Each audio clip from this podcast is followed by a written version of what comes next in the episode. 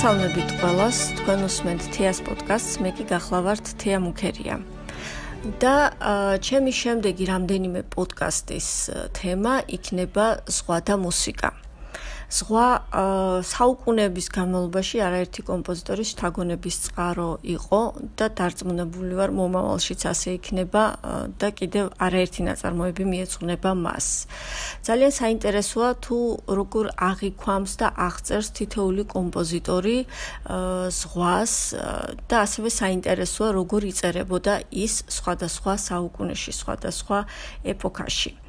დავიწყებ ქრონოლოგიურად ბაროკოს პერიოდიდან და პირველი ნაწარმოები, რასაც შემოგთავაზებთ, ეს იქნება ანტონიო ვივალდის კონცერტი სახელწოდებით შტორმი ზღვაზე. ბევრი თქვენგანი მას წარმოიდგენს ალბათ როგორც დამანგრეველ ძალას, დამანგრეველ სტიქიას, საშიშროებას, მაგრამ მინდა გითხრათ, რომ ვივალდიმ ამ კონცერტში აბსოლუტურად განსხვავებულად დაგვიხადა შტორმი ზღვაზე. ის არის ძალიან ამაღლებული განწყობის, საკმაოდ მხიარული, რასაც განსაზღვრავს თავად ნაწარმოების ტონალობაც, մի ბემოლ მაჟორში არის დაწერილი და ასევე ასევე ტემპი.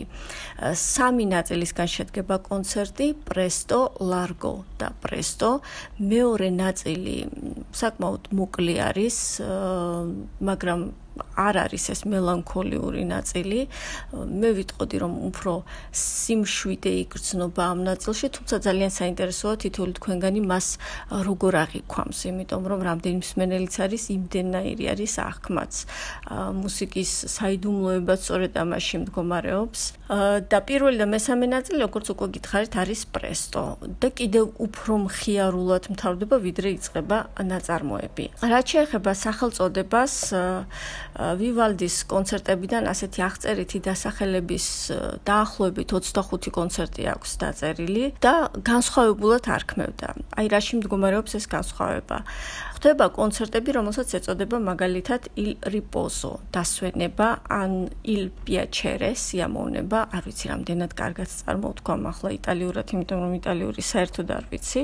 ცდილობ მივბაძო, მივამსგავსო, მაგრამ აქ თავარი არის თავად ის რომ გავიგოთ თუ რა ქვია კონცერტებს, ანუ დასვენება და სიამოვნება, სადაც კომპოზიტორი მიგვანიშნებს განწყობაზე, ანუ შემსრულებელს ეუბნება თუ რა განწყობით უნდა შეასრულოს ესა თუ ის კონცერტი. ალბათ მსმენელსაც ეუბნება თუ რა უნდა მოისმინოს ამ კონცერტში. ასევე გვხდება ასეთი კონცერტი La Caccia, ნადირობა და Il Gardelino. ეს Gardelino გახლავთ ჩიტი, ოქროს ფინიკა. ძალიან საინტერესო არის ეს კონცერტები იმით, რომ აქ გარდა იმისა, რომ განწყობას საც უქმნის შემსრულებელს, ასევე კონკრეტულად მიუთითებს და უკონკრეტებს შემსრულებელს, თუ რას უნდა მიბაძოს.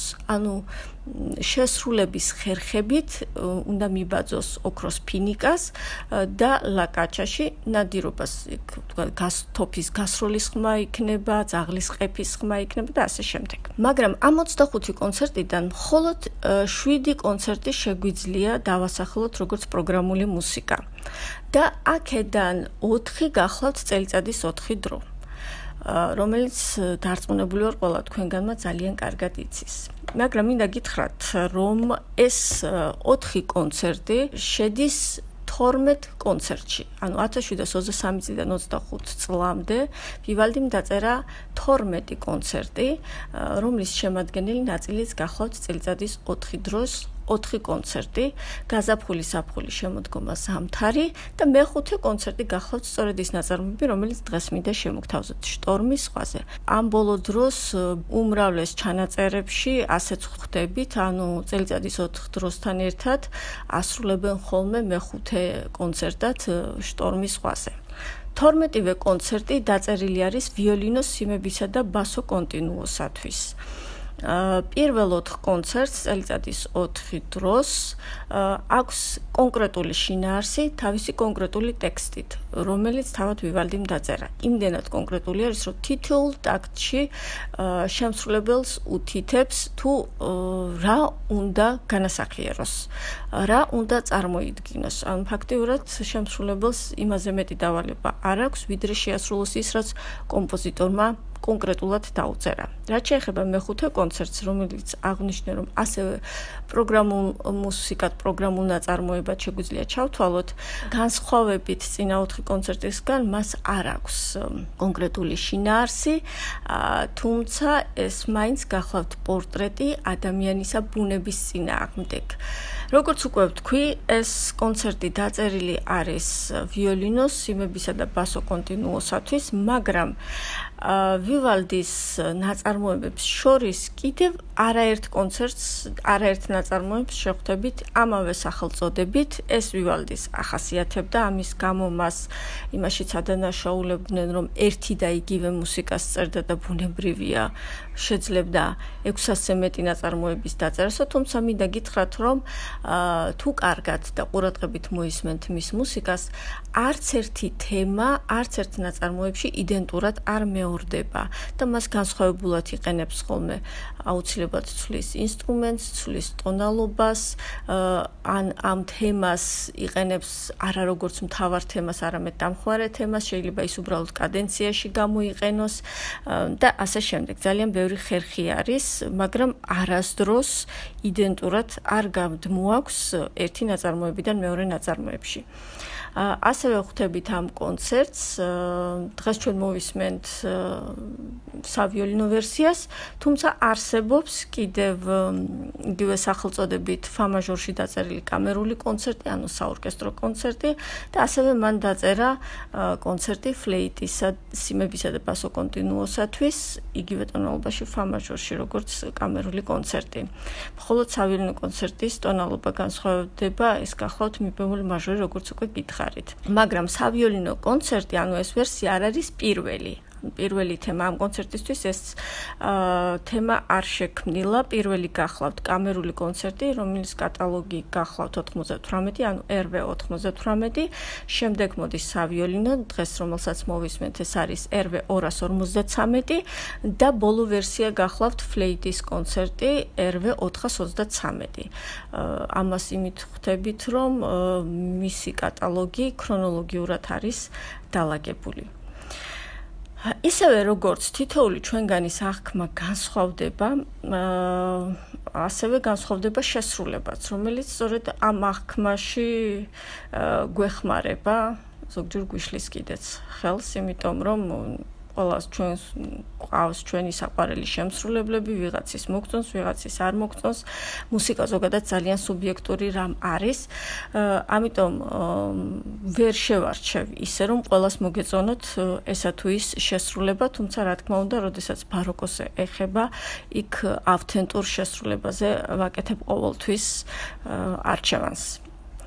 დღეს ვივალდის ეს ნაწარმოები მინდა შემოგთავაზოთ იტალიური ანსამბლის შესრულებით. ეს გახლავთ ბიზანტიის აკადემია რომელიც 1993 წელს რავენაში დაარსდა და იგი მხოლოდ ბაროკოს არ ასრულებს მე-19 საუკუნის მუსიკასაც ასრულებს მაგრამ მას შემდეგ რაც მათი პირველი ვიოლინო გახდა სტეფანო მონტანარი რომელიც ორკესტრთან 1995 წლიდან 2012 წლამდე თანამშრომლობდა ორკესტრის სტილი საშ შემსრულებლო სტილი ჩამოყალიბდა და ეს გახლავთ სუფთა იტალიური საშემსრულებლო სტილი.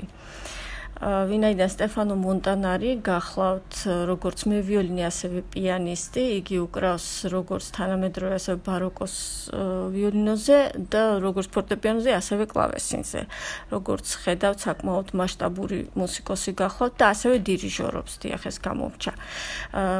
და შესაბამისად მისმა თანამშრომლობამ ძალიან დიდი კვალი დატოვა ორკესტრზე. და სწორედ აი ამ იტალიური საშემსრულებლო სკოლის გამო შევარჩიე მე დღეს ეს შესრულება, რომ იტალიური მუსიკა შემოგთავაზოთ იტალიური სტილში. მაშასე მოდით მოვისმინოთ ანტონიო ვივალდის კონცერტი ვიოლინოს სიმებისა და ბასო კონტინუოსათვის შტორმის ზღვაზე RV 253 რომელსაც შეასრულებს ანსამბლი ბიზანტიის აკადემია სოლისტიკი გახლავთ სტეფანო მონტანარი.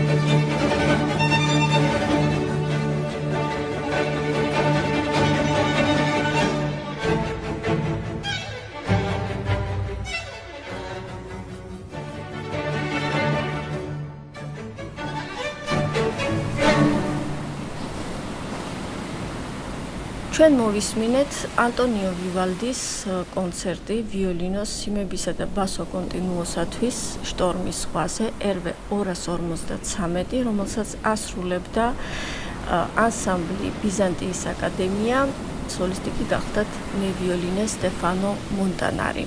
დღევანდელი პოდკასტი ამით დასრულდა, ხოლო ერთი კვირის შემდეგ შემოგთავაზებთ შემდეგ ნაწარმოებს, რომელიც იქნება ბეთჰოვენის მუსიკა. ასე რომ დაელოდეთ თეას პოდკასტს. მეტი მადლობას გადაგიხდით ყველას ყურადღებისათვის. კარგად ბრძანდებოდეთ.